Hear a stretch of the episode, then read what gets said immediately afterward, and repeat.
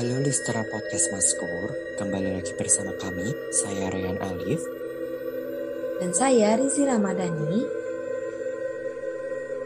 Nah, teman-teman listener nih, di episode hari ini kita akan menceritakan tentang cerita yang kita ambil dari cerita Siska tentang rumah lemah kuburan.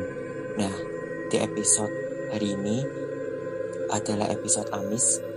Seperti biasa, kita akan menceritakan cerita-cerita horor yang diambil dari kisah nyata. Pak Rofik dan keluarga baru saja pindah dari kota sebuah desa yang berada di selatan kota Jember. Kebetulan desa yang kebetulan beliau adalah seorang dokter yang ditugaskan ditempatkan di sana. Pak Rofik diberi fasilitas rumah, dan kendaraan sepeda motor untuk mempermudah kehidupannya di sana. Selama bertugas di sana selama setahun, beliau memang menjadi dokter pengganti sementara. Ya, karena perannya sebagai pengganti dokter Bayu selama setahun di sana. Akhirnya pihak desa memberikan rumah yang sudah tidak pernah ditinggali oleh pemiliknya. Entah si pemilik ke mana, namun rumah itu sudah diamanai untuk ditempati oleh tamu desa jika berkunjung ke sana. Nak Rofik, ini kunci rumah jenengan. Nanti ada sepeda motor biar diantar Tarpin ke sana. Ucap Pak Lurah. Pak Rofik yang saat itu senang dengan sambutan warga di sana menjadikan dirinya semakin semangat untuk membangun tugas menjadi dokter puskesmas. Ya walaupun hanya setahun. Tiba di ujung jalan, Pak Rofik beserta istrinya melihat sebuah rumah yang jarak antara rumah warga lainnya agak jauh. Kurang lebih berjarak 50 meter. Rumah itu sendiri. Hanya Mbak Jainul yang menjadi tetangga dekat mereka. Saat memasuki pagar rumah, hawa aneh terasa. Yah, kok perasaanku nggak enak ya? Rumah sih bagus, tapi saat aku buka pagar kayak gimana gitu ucap Fitri istri Pak Rofik. Pak Rofik saat itu hanya meli, uh, hanya tersenyum melihat istrinya dan berkata, itu cuma perasaanmu saja. Ayo masuk, ucapnya. Tak terasa ternyata Fitri merasa aneh saat itu. Dia seperti merasakan ada orang yang sedang memperhatikannya saat itu. Dia pandangi sekeliling tempat itu. Benar saja, di balik pohon ada seseorang yang sedang mengintip. Tak lain adalah Mbah Jainul. Yah, itu siapa? Ujar Fitri. Pak Rofik yang saat itu spontan mencari kemudian mengarahkan wajahnya ke arah yang ditunjuk Fitri. Kemudian Pak Rofik tersenyum. Oh, itu tetangga kita. Namanya Mbah Jainul. Udah, jangan khawatir. Orangnya baik kok. Sebelumnya aku sudah bertemu. Fitri yang saat itu sedang merasakan hal yang aneh dan sedikit cemas hanya mengikuti perkataan suaminya. Fitri merasakan ketika melihat rumah itu seperti melihat penduso atau salah satu tempat untuk menaruh keranda mayat di kuburan. Rumah itu seperti angker saja baginya. Besok kita mulai menata ruang dan membersihkan rumah ini ya, karena kemarin kamar di atas sudah aku rapikan dan dibersihkan. Kita bisa tidur di sana, kata Pak Rofik. Fitri saat itu hanya mengikuti arahan suaminya dan sedikit sekali mengeluarkan kata-kata. Keesokan harinya, Pak Rofik berangkat ke puskesmas. Hanyalah Fitri di sana, dia memulai aktivitas untuk membersihkan ruang bawah dan halaman. Namun, ketika dia membersihkan halaman, Tiba-tiba Mbah Jainul menghampirinya. Dok, sedang bersih-bersih ya? Mampir ke rumah, kebetulan saya tinggal dengan cucuku. Dia sudah mau lulus SMK sebentar lagi, ucap Mbah Jainul. Fitri yang saat itu ragu-ragu akhirnya memberanikan diri untuk menghampirinya. Gembah, kenalkan saya Fitri, istrinya Pak Rofik, ucapnya dengan tersenyum. Fitri memang bukan orang yang gampang dekat dengan orang. Sifatnya yang pendiam dan susah ditebak menjadikan dirinya agak dijauhi oleh orang-orang yang mengenalnya. Usai perbincangan itu, Fitri mendengarkan suara benda berjatuhan di dapurnya. Mbah Jainul yang saat itu terkejut hanya terdiam dan memperhatikan lurus ke arah jendela dapur. Fitri yang saat itu mendengar langsung berlari dan melihat apa yang terjadi. Dia melihat peralatan di dapurnya sudah bergeletakan di tanah dan ada juga yang pecah. Memang sedikit aneh. Apa yang terjadi sungguhlah di luar akal pikiran Fitri saat itu. Mbah Jainul mengikuti Fitri masuk ke dalam rumah dan mendapati dapur sudah porak-poranda. Gusti, aduh no molo tak no selamat, ucap Mbah Jainul dengan meninggalkan Fitri sendiri yang bingung dengan apa yang terjadi. Waktu berlalu, Fitri melupakan apa yang terjadi saat itu. Ia memilih tidak menceritakan kepada Pak Rofiq Suaminya karena melihat kondisi suaminya yang sangat letih dan tidak memungkinkan untuk menceritakan kejadian di luar logika. Pak Rofik bukanlah tipe orang yang percaya, percaya pada gaib. Namun setelah kejadian, kejadian itu hal serupa juga terjadi ketika waktu akan memasuki Ba'da Maghrib dan hampir subuh. Preng! Suara benda jatuh dari dapur. Fitri yang saat itu terkejut langsung bangun dari tempat tidurnya. Pak Rofik yang saat itu sedang pul yang saat itu tidur pulas ia tinggalkan. Fitri dengan pelan-pelan turun ke bawah. Dia memperhatikan tiap sudut rumah itu. Aneh, mengapa seperti bukan rumahnya saat itu? Seperti asing baginya saat turun ke bawah. Dia mencoba menghidupkan lampu namun lampu dengan sendirinya tidak ada satupun yang bisa menyala. Untung saja ada senter yang memang digantung pada tembok tangga. Ya, untuk jaga-jaga saat lampu mati atau kondisi darurat. Ia ambil senter itu dan mulai menyorot tiap sudut ruangan. Saat dia menginjak lantai ruang bawah, dia merasa aneh karena kakinya sedikit basah. Dia tetap menyoroti setiap sudut ruangan dan bergegas ke arah dapur. Ia khawatir rumahnya dimasuki maling. Tiba di dapur, dia mencoba menyalakan lampu lagi, tapi tetap saja tidak bisa menyala. Lampu senter tiba-tiba konslet. Tak disadari Fitri sesuatu yang berdiri di belakangnya.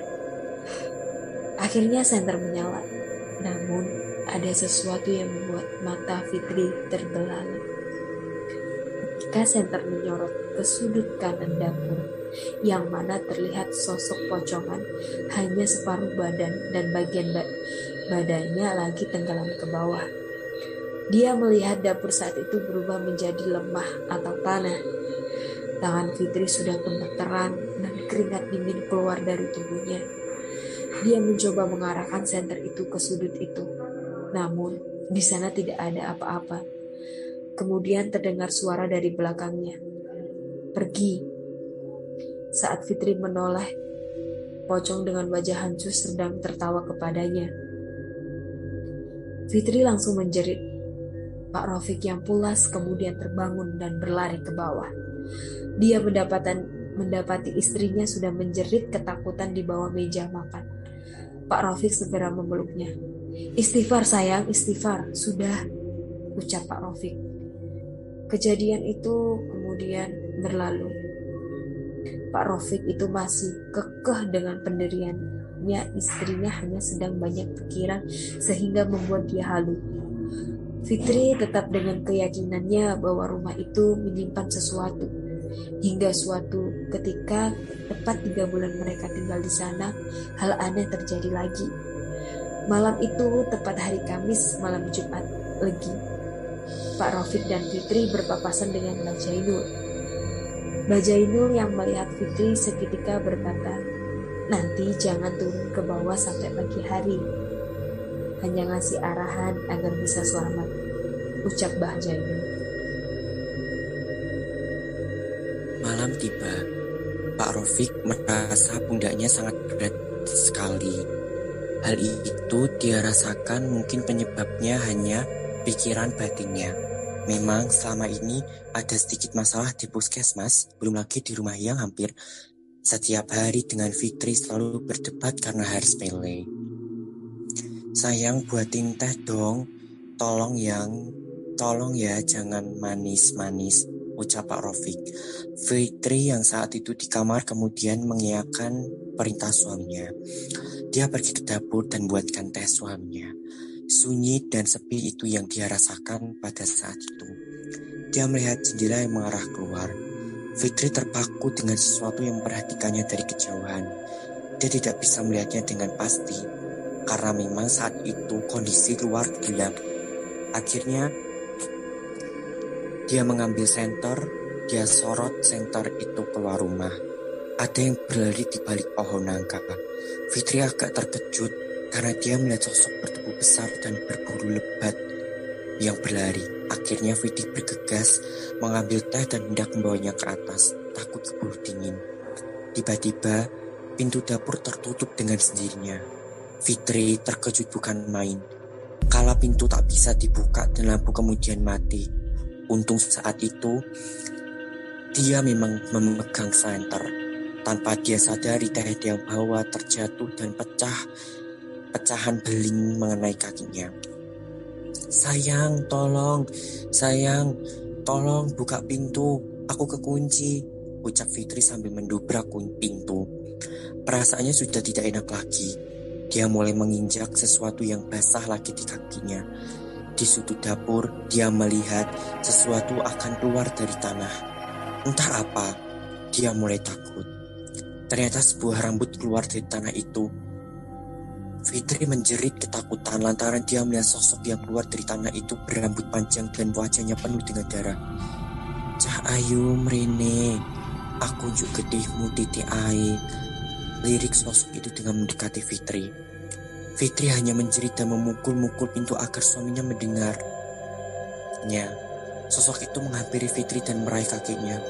Suwe aku orang mangan gedeh kene cah ayu getih kentalmu gawe obat luwehku selama iki tegas sosok itu tegas sosok itu kemudian pintu terdu terbuka dan Pak Rofik melihat Fitri akan ditarik sosok itu ke dalam tanah sontak Pak Rofik langsung menarik Fitri dan mengumandangkan azan hal itu dia lakukan agar sosok itu segera hilang dan benar saja kumandang azan ia ucapkan dan sosok itu kepanasan Sosok itu kepanasan dan berubah bentuk menjadi siluman ular yang beridah panjang. Kemudian sosok itu masuk lagi ke dalam tanah. Suasana kemba kemudian kembali normal. Pak Rofik memeluk Fitri. Maafkan aku sayang, selama ini tidak mempercayai kata-katamu, ucap Pak Rofik. Esokan harinya, mereka bertemu dengan Mbah Jaino dan menanyakan sesuatu mengenai rumah yang ditinggalnya. Bien, omahmu kui dipanggoni sama keluarga yang garis hidupnya bejo. Pak Sam Samiun namanya. Dia memiliki istri yang bernama Ibu Kotimah dan empat anak yang pintar. Ucap Mbah Jainun. Saking bejo uripe, dia sampai punya sawah dan lahan tanduran di mana-mana orangnya yang gak medit, maksudnya pelit dan loman, suka memberi. Petaka itu dimulai ketika dia mempekerjakan seseorang pembantu di rumahnya. Namanya Warsina. Dia bekerja menjadi pembantu di sana. Aku juga mengenalnya. Dia awalnya orang yang baik. Entah mengapa tiba-tiba dia menjadi seperti itu. Kabarnya dia iri dengan keharmonisan rumah tangga Bukotimah dan anak-anaknya karena nasibnya tak seberuntung mereka. Warsina memiliki suami yang suka mabuk-mabukan dan juga menghabiskan celengan warisa Warsina. Anaknya yang semata wayang juga nurun bapaknya, jadi anaknya nakal. Tidak heran Warsina sering diperlakukan kasar oleh anak dan suaminya. Suatu hari aku Samyun niatnya cuma bercanda. Tidak ada niatan serius melukai hati Warsina saat itu. Guyon Pak Samyun itu bilang, Walah nah, seumpama amakmu kisah ayu nggak bulu kono tak rapi karo aku. Ucap itu membuat Warsina sakit hati kepada Pak Samyun dan semua. Mung omong biasa dadi moloe uripe aku aku Samyun. Warsina datang ke dukun terkenal di seberang desa. Dia meminta untuk membalaskan dendam kepada Pak Samium dan keluarganya. Akhirnya, dia diberi sebuah buntelan yang isinya lemah. Lemah kuburan. Jadi lemah itu dipendem di dapur sama Warsinah tanpa sepengetahuan Pak Samium dan keluarga. Lemah itu membawa sial untuk tempat tinggal Pak Samium. Dulu Pak Samium tiba-tiba usahanya bangkrut dan tanahnya di mana-mana dijual. Tak jarang juga aku mendengar beliau tukaran sama istrinya. Warsina, setelah melakukan hal itu kemudian berhenti dan musnahkan kerja jadi TKW. Pak Samium dan keluarga akhirnya pindah ke kota mulai bisnis tanah dan alhamdulillah sekarang mereka bisa mengembalikan lagi apa yang hilang. Rumah itu dipasrahkan ke kelurahan sama Pak Samium dibuat singgah untuk tamu yang berkunjung ke sini. Tapi tak jarang juga mereka melihat hal-hal aneh di sana. Bahkan dulu juga ada yang sampai pergelangan tangannya mau putus dan untungnya cepat ditawan dan langsung dibawa ke rumah sakit. Jadi seperti itu ceritanya. Maka dulu nak Rofik aku suruh tidur di atas saja jangan di bawah. Karena saya khawatir lemah kuburannya dipendem di bawah buat jaga-jaga saja biar kejadian buruk tidak terjadi. Kejadi, saat kejadian itu Pak Rofik dan Fitri memutuskan pindah dekat puskesmas. Mereka tidak bisa tinggal di rumah dinas karena rumah itu dijadikan unit tambahan untuk program pemerintah desa tahun selamanya. Tamat. Nah, udah selesai kita bacanya horor ini. Ya, namanya juga rumah yang lama tidak ditinggali ya pasti ada hmm, yang menempati yang nggak kelihatan ya Han ya. Iya betul banget sih. Apalagi dari cerita ini kita bisa ngambil bahwa ucapan ketika kita berbicara sama orang meskipun itu bercanda kita juga harus berhati-hati ya karena kita nggak tahu kan apa orang itu sakit hati atau enggak takutnya nanti malah dari ucapan kita membawa dampak kayak apa maksudnya akibat buruk dari ucapan kita ke orang lain yang buat sakit hati. Benar banget. Jadi juga ya kayaknya tadi waktu Pak Rofik baru pindahan ke rumah dinas yang lama nggak ditinggalin ini lupa dibaca bacain ya maksudnya kayak ngaji atau mungkin non Islam ya, nih ya pokoknya apa pun agamanya ya, mungkin kita harus. iya kita harus minta izin. Karena yang tinggal di dunia ini maksudnya bukan manusia aja ya ada makhluk goib yang tidak terlihat dengan kita meskipun kita beda dimensi. Cuman kayak ya orang percaya nggak percaya ya ada hal-hal seperti itu. Cuman kita harus tetap harus gimana ya tetap harus oh itu ada gitu loh maksudnya. Paham kan Iya, iya betul. Dan tentunya di mana pun kita berada kita juga harus menjaga sopan santun ya, nggak boleh maksudnya melakukan hal-hal yang buruk. Nanti takutnya ya kejadian yang tidak baik ke kitanya. Nah teman-teman, ya. Nah teman-teman listener podcast Maskur, uh, mungkin sekian untuk cerita episode Amis hari ini. Dan tetap stay tune di episode Amis selanjutnya. Nah sebelum saya dan Mas pamit, jangan lupa untuk follow akun sosial media dari Maskur Podcast untuk Instagramnya at maskur.podcast double s double r dan TikToknya yaitu maskur double s double r. Dan Twitternya apa Mak untuk tweet uh, untuk twitternya maskur underscore podcst untuk eh, untuk s-nya double ya. Dan jangan lupa untuk follow eh kok follow apa isi curious chat di bio Twitter Matskur Podcast. Jadi teman-teman bisa uh, ngirim tentang saran apa episode hari ini masukkan dan saran atau episode selanjutnya. Oke teman-teman listener podcast Maskur, mungkin sekian episode Amis dan cerita horor pada hari ini dan selalu stay tune dan nantikan episode-episode terbaru dari Maskur Podcast. Saya Rian Alif pamit. Saya Rizina Madani juga pamit. Sampai jumpa di episode selanjutnya. See you. See you next episode.